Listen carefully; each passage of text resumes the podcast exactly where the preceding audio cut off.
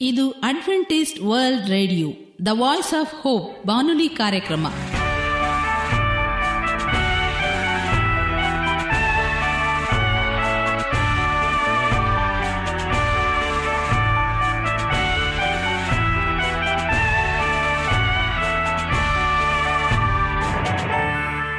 ನಮಸ್ಕಾರ ಪ್ರೀತಿಯ ಕೇಳುಗರೆ, ನಮ್ಮ ನಿಲಯದ ಕನ್ನಡ ಕಾರ್ಯಕ್ರಮಕ್ಕೆ ತಮ್ಮೆಲ್ಲರಿಗೂ ಆತ್ಮೀಯ ಸುಸ್ವಾಗತ.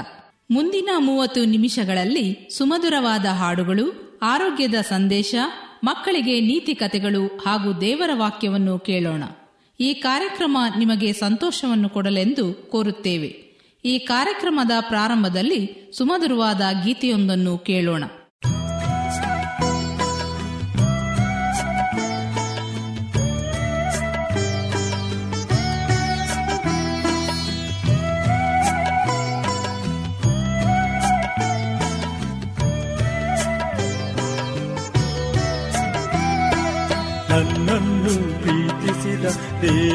ದೇವರ ಎಂದೆಂದು ಕೊಂಡಾಡುವೆ ನನ್ನನ್ನು ರಕ್ಷಿಸಿದ ದೇವರ ಎಂದೆಂದು ನಾ ಬೇಡುವೆ ನನಗಾಗಿ ಪ್ರಾಣವ ನೀಡಿದ ಕ್ರಿಸ್ತಾನ ಎಂದು ನಾ ಭಜಿಸುವೆ ನನಗಾಗಿ ಪ್ರಾಣವ ನೀಡಿದ ಕ್ರಿಸ್ತಾನ ಎಂದೆಂದು ನಾ ಭಜಿಸುವೆ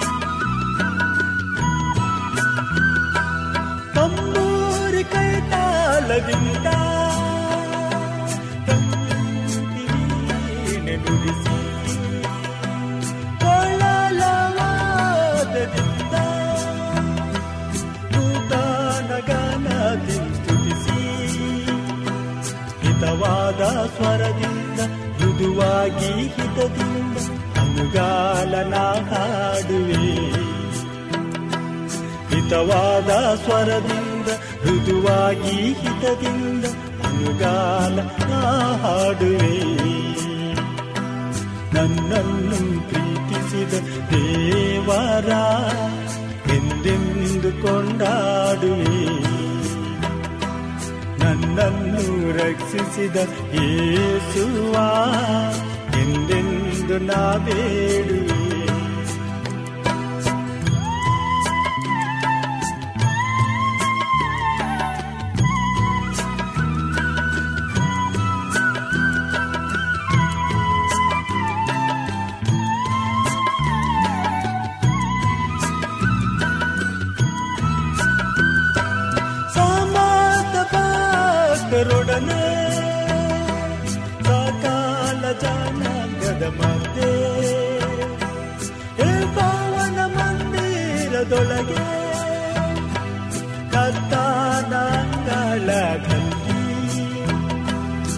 ದಾವಿದ ರಾಜನ ಧ್ವನಿಯ ಹಿಡಿದು ಹೃದಯದಿಂದ ನಾ ಹಾಡುವೆ. ದಾವಿದ ರಾಜನ ಧ್ವನಿಯ ಹಿಡಿದು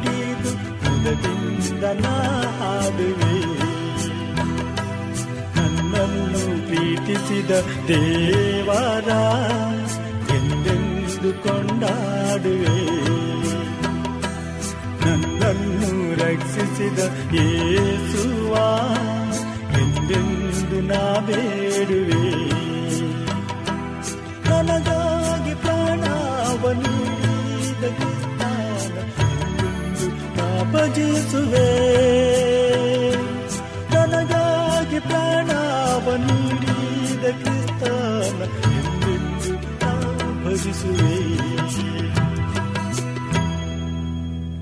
ದೇವರ ವಾಕ್ಯವನ್ನು ಕೇಳುವುದಕ್ಕೆ ಮುಂಚಿತವಾಗಿ ಆರೋಗ್ಯದ ಸಂದೇಶವನ್ನು ಕೇಳೋಣ. ಸುಮಾರು ಇಪ್ಪತ್ತೈದರಿಂದ ಮೂವತ್ತು ಅಡಿ ಎತ್ತರಕ್ಕೆ ಬೆಳೆಯುವ ಚಕ್ಕೋತ ಕಿತ್ತಳೆ ಕಿತ್ತಳೆ ಜಾತಿಗೆ ಸೇರಿದೆ. ಇದರ ಹಣ್ಣು ದೊಡ್ಡದಾಗಿಯೂ ರಸಭರಿತವಾಗಿಯೂ ಇದ್ದು, ಸಿ ಜೀವಸತ್ವ ಮತ್ತು ಕ್ಯಾಲ್ಸಿಯಂನಿಂದ ಶ್ರೀಮಂತವಾಗಿದೆ. ಹೂಗಳು ಬಿಳಿ ಬಣ್ಣದಾಗಿದ್ದು ಸುಗಂಧ ವಾಸನಾಯುಕ್ತವಾಗಿರುತ್ತದೆ. ಮೋಸಂಬಿ ಹಣ್ಣಿಗಿಂತ ಸುಮಾರು ಎರಡರಿಂದ ಮೂರರಷ್ಟು ದಪ್ಪವಾಗಿರುವ ಚಕ್ಕೋತ ಹಣ್ಣು ಆರಂಭದಲ್ಲಿ ಹಸಿರು ಬಣ್ಣದ್ದಾಗಿದ್ದು, ತಿನ್ನಲು ಪಕ್ವವಾಗುವ ಸಮಯದಲ್ಲಿ ಹಳದಿ ಬಣ್ಣಕ್ಕೆ ತಿರುಗುತ್ತದೆ. ಇದಕ್ಕೆ ಬೇರೆ ಭಾಷೆಯಲ್ಲಿ ಇರುವಂತಹ ಹೆಸರುಗಳು ಯಾವುದೆಂದು ತಿಳಿದುಕೊಳ್ಳೋಣ.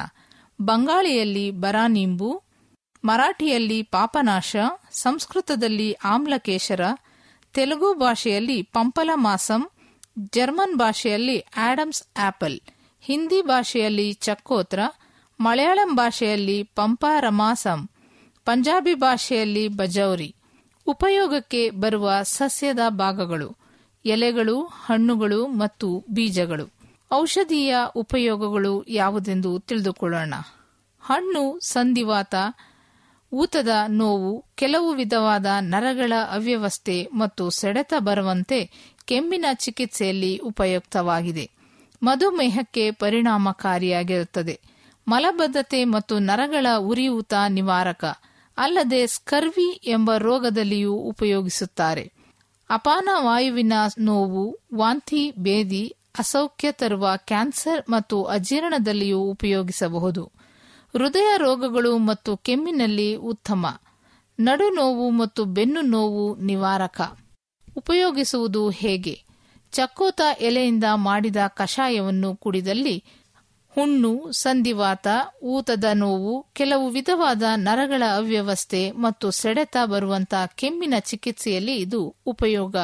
ಮಧುಮೇಹಕ್ಕೆ ಪ್ರತಿದಿನ ಚಕೋತ ಹಣ್ಣಿನ ಅರ್ಧ ಲೀಟರ್ನಷ್ಟು ರಸವನ್ನು ನೀರು, ಬೆರೆಸದೆ ಕುಡಿಯಬೇಕು. ಇದೇ ರಸವು ಉರಿಯೂತಗೊಂಡ ನರಗಳು, ಮಲಬದ್ಧತೆ, ಸ್ಕರ್ವಿ ಮತ್ತು ಆಹಾರದಲ್ಲಿ ಹೆಚ್ಚಾಗಿರುವ ಸಸಾರಜನಕ ಪದಾರ್ಥವನ್ನು ಹೊರಹಾಕುತ್ತದೆ. ಹಣ್ಣಿನ ಸಿಪ್ಪೆಯು ಅಪಾನವಾಯು ನೋವು, ಅಜೀರ್ಣ, ವಾಂತಿ, ಬೇದಿ ಮತ್ತು ಅಸೌಖ್ಯ ತರುವ ಕ್ಯಾನ್ಸರ್ನಲ್ಲಿ ಬಹಳ ಪರಿಣಾಮಕಾರಿಯಾಗಿದೆ. ಒಣಗಿದ ಸಿಪ್ಪೆಯು ಹೃದಯ ರೋಗಗಳು, ಅಜೀರ್ಣ ಮತ್ತು ಕೆಮ್ಮಿಗೆ ಅತ್ಯುತ್ತಮ ಕಷಾಯ ಮಾಡಿ ಕುಡಿಯಬೇಕು. ಚಕೋತ ಹಣ್ಣಿನ ಬೀಜಗಳನ್ನು ಜಜ್ಜಿ ಮಾಡಿದ ಕಷಾಯವು ಸೊಂಟ ಮತ್ತು ಬೆನ್ನು ನೋವಿಗೆ ಒಳ್ಳೆಯದು. ಈ ಕಷಾಯವನ್ನು ಅರ್ನಿಯ ನೋವಿನಿಂದ ಕೂಡಿದ ಮೂತ್ರಕೋಶದ ಮೇಲೆ ಹಚ್ಚಬೇಕು ಮತ್ತು ಸ್ತ್ರೀ ಪುರುಷರ ಗುಪ್ತಾಂಗಗಳ ಉರಿಯೂತವಿದ್ದಾಗ ತೊಳೆಯಬೇಕು. ವಂದನೆಗಳು. ಈಗ ಮತ್ತೊಂದು ವಿಶೇಷ ಗೀತೆಯೊಂದನ್ನು ಕೇಳೋಣ. ಈ ಹಾಡನ್ನು ಕೇಳಿದ ಮೇಲೆ ನಿಮ್ಮ ಮನಸ್ಸು ದೇವರ ವಾಕ್ಯವನ್ನು ಕೇಳಲು ಸಿದ್ಧವಾಗಿದೆ ಎಂದು ತಿಳಿದಿದ್ದೇವೆ.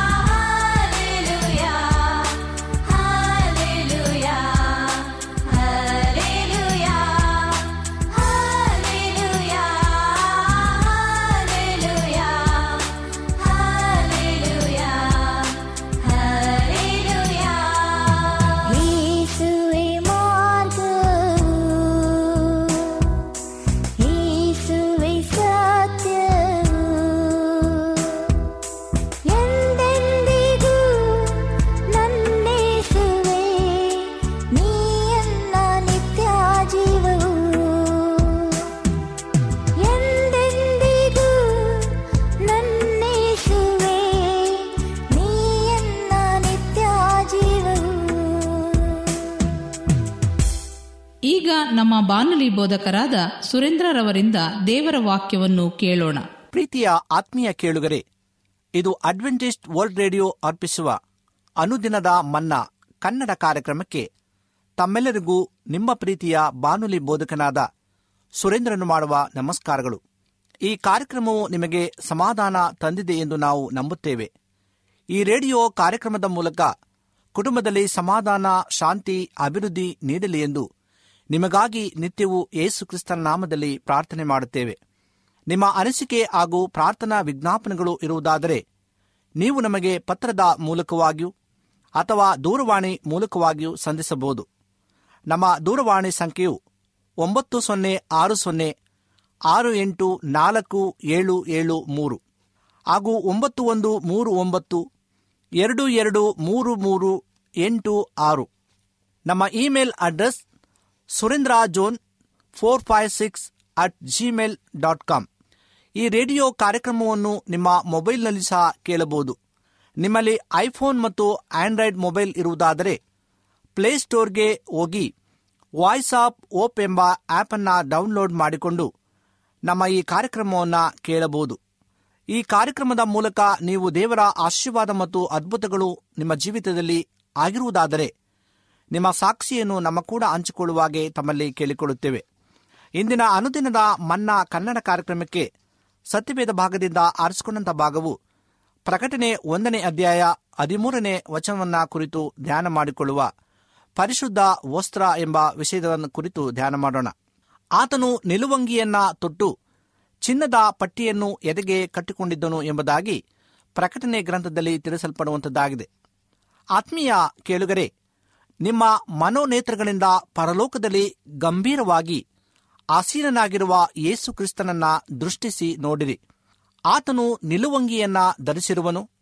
ಆತನನ್ನು ಸಿಲಿಬೆಯಲ್ಲಿ ಜಡಿಯುವಾಗ ಆತನ ವಸ್ತ್ರಗಳನ್ನ ಕಳಚಿದ್ದರು ಸೈನಿಕರು ಚೀಟು ಹಾಕಿ ತಮ್ಮೊಳಗೆ ಹಂಚಿಕೊಂಡರು.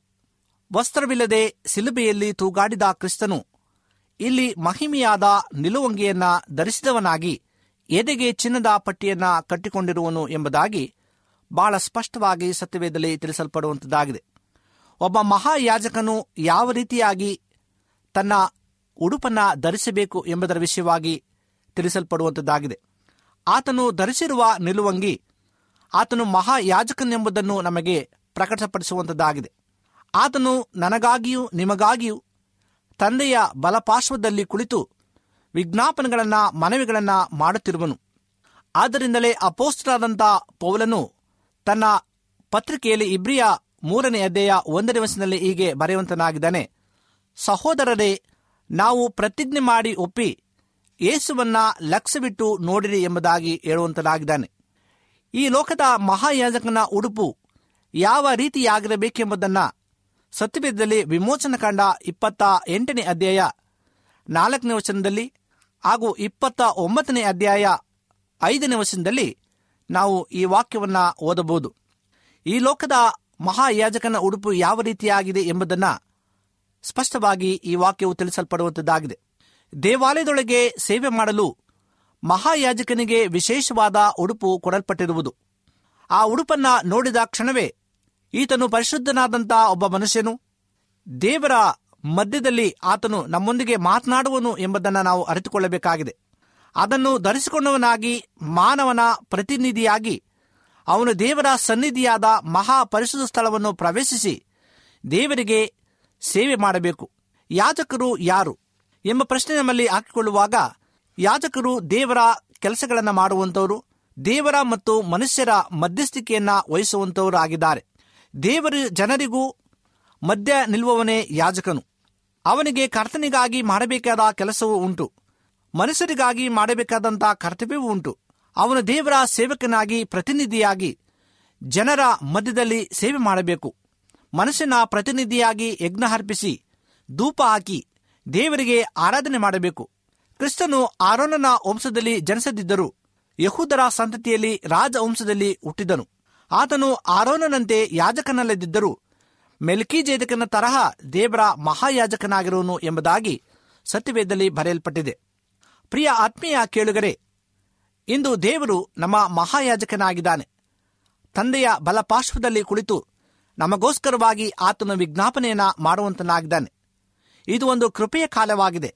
ಈ ಕೃಪೆಯ ಕಾಲದಲ್ಲಿ ನಾವು ನಮ್ಮ ಎಲ್ಲ ಕೆಟ್ಟತನವನ್ನು ಬಿಟ್ಟು ನಾವು ಶುದ್ಧರಾಗಿ ಆತನನ್ನು ನಾವು ಅಂಗೀಕರಿಸಿಕೊಂಡು ಈ ಕೃಪೆಯ ಕಾಲದಲ್ಲಿ ಕರ್ತನೆಡೆಗೆ ನಾವು ನಡೆಯಬೇಕಾಗಿದೆ.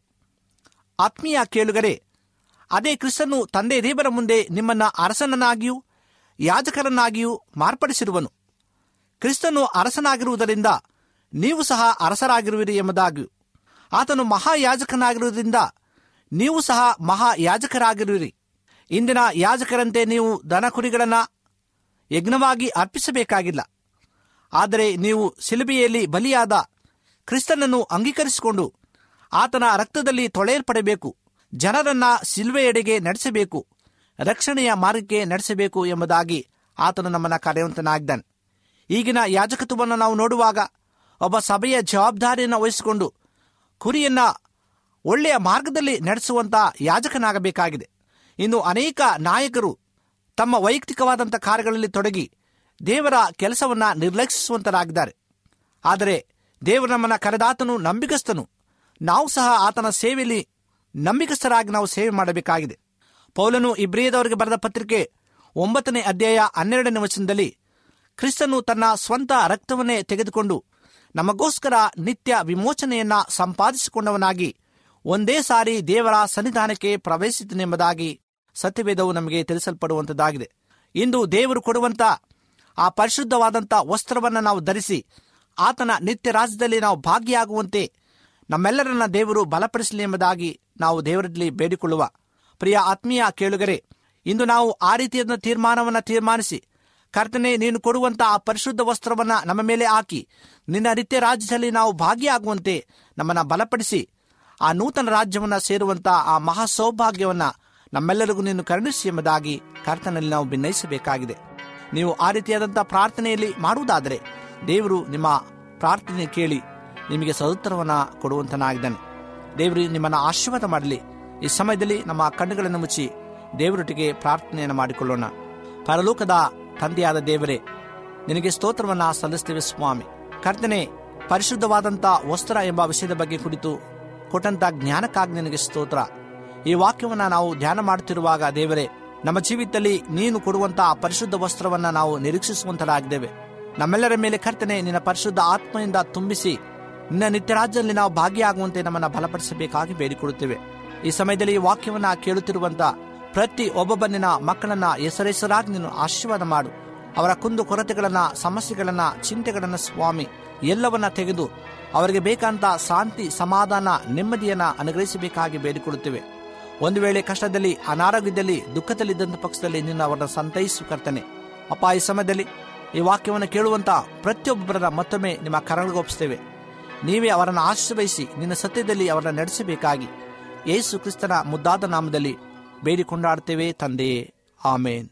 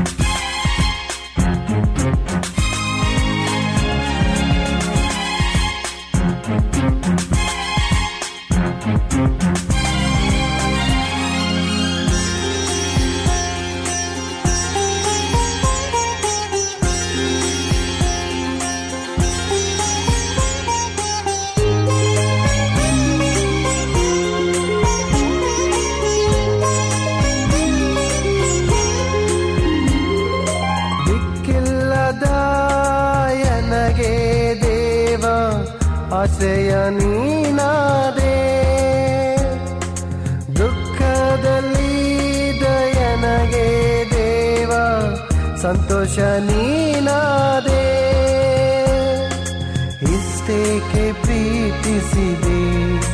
ದೇವ ನಿನ್ನನ್ನೇ ಅರ್ಪಿಸಿದೆ ಇಷ್ಟೇಕೆ ಪ್ರೀತಿಸಿದೆ. ದೇವ ನಿನ್ನನ್ನೇ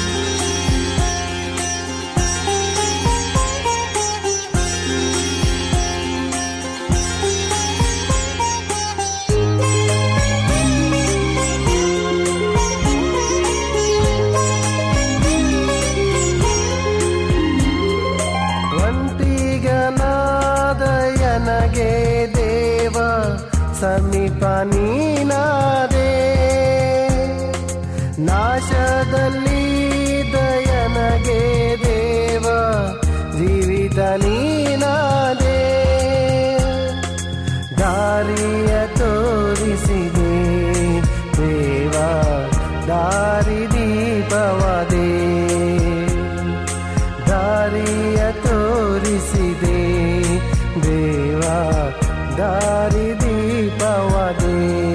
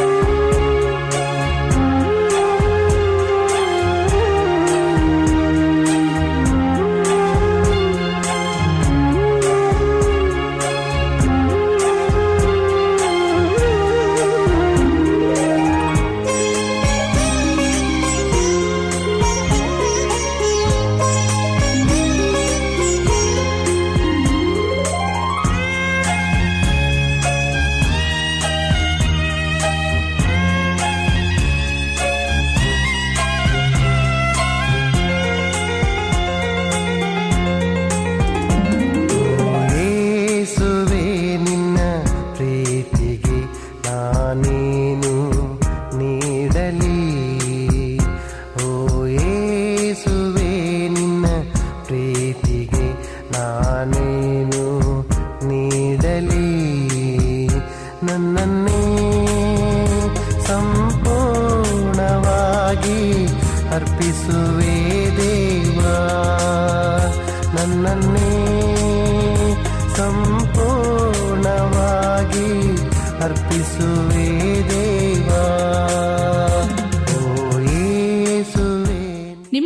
ಸತ್ಯವೇದದ ಬಗ್ಗೆ ಹೆಚ್ಚಿನ ವಿವರಗಳು ಬೇಕಾದಲ್ಲಿ ನಮ್ಮ ವಿಳಾಸಕ್ಕೆ ಪತ್ರ ಬರೆಯಿರಿ. ನಮ್ಮ ವಿಳಾಸ ಅಡ್ವೆಂಟಿಸ್ಟ್ ವರ್ಲ್ಡ್ ರೇಡಿಯೋ ಟಪಾಲು ಪೆಟ್ಟಿಗೆ ಒಂದು ನಾಲ್ಕು ನಾಲ್ಕು ಆರು, ಮಾರ್ಕೆಟ್ ಯಾರ್ಡ್, ಅಂಚೆ ಕಚೇರಿ, ಪುಣೆ ನಾಲ್ಕು ಒಂದು ಒಂದು ಸೊನ್ನೆ ಮೂರು ಏಳು, ಮಹಾರಾಷ್ಟ್ರ, ಇಂಡಿಯಾ. ನಮ್ಮ ಫೋನ್ ನಂಬರ್ ಸೊನ್ನೆ ಒಂಬತ್ತು ಸೊನ್ನೆ ಆರು ಸೊನ್ನೆ ಆರು ಎಂಟು ನಾಲ್ಕು ಏಳು ಏಳು ಮೂರು. ಧನ್ಯವಾದಗಳು. ಮತ್ತೆ ಇದೇ ಸಮಯಕ್ಕೆ ನಿಮ್ಮನ್ನು ಭೇಟಿ ಮಾಡುತ್ತೇವೆ. ದೇವರು ನಿಮ್ಮನ್ನು ಆಶೀರ್ವದಿಸಲಿ. ನಮಸ್ಕಾರಗಳು.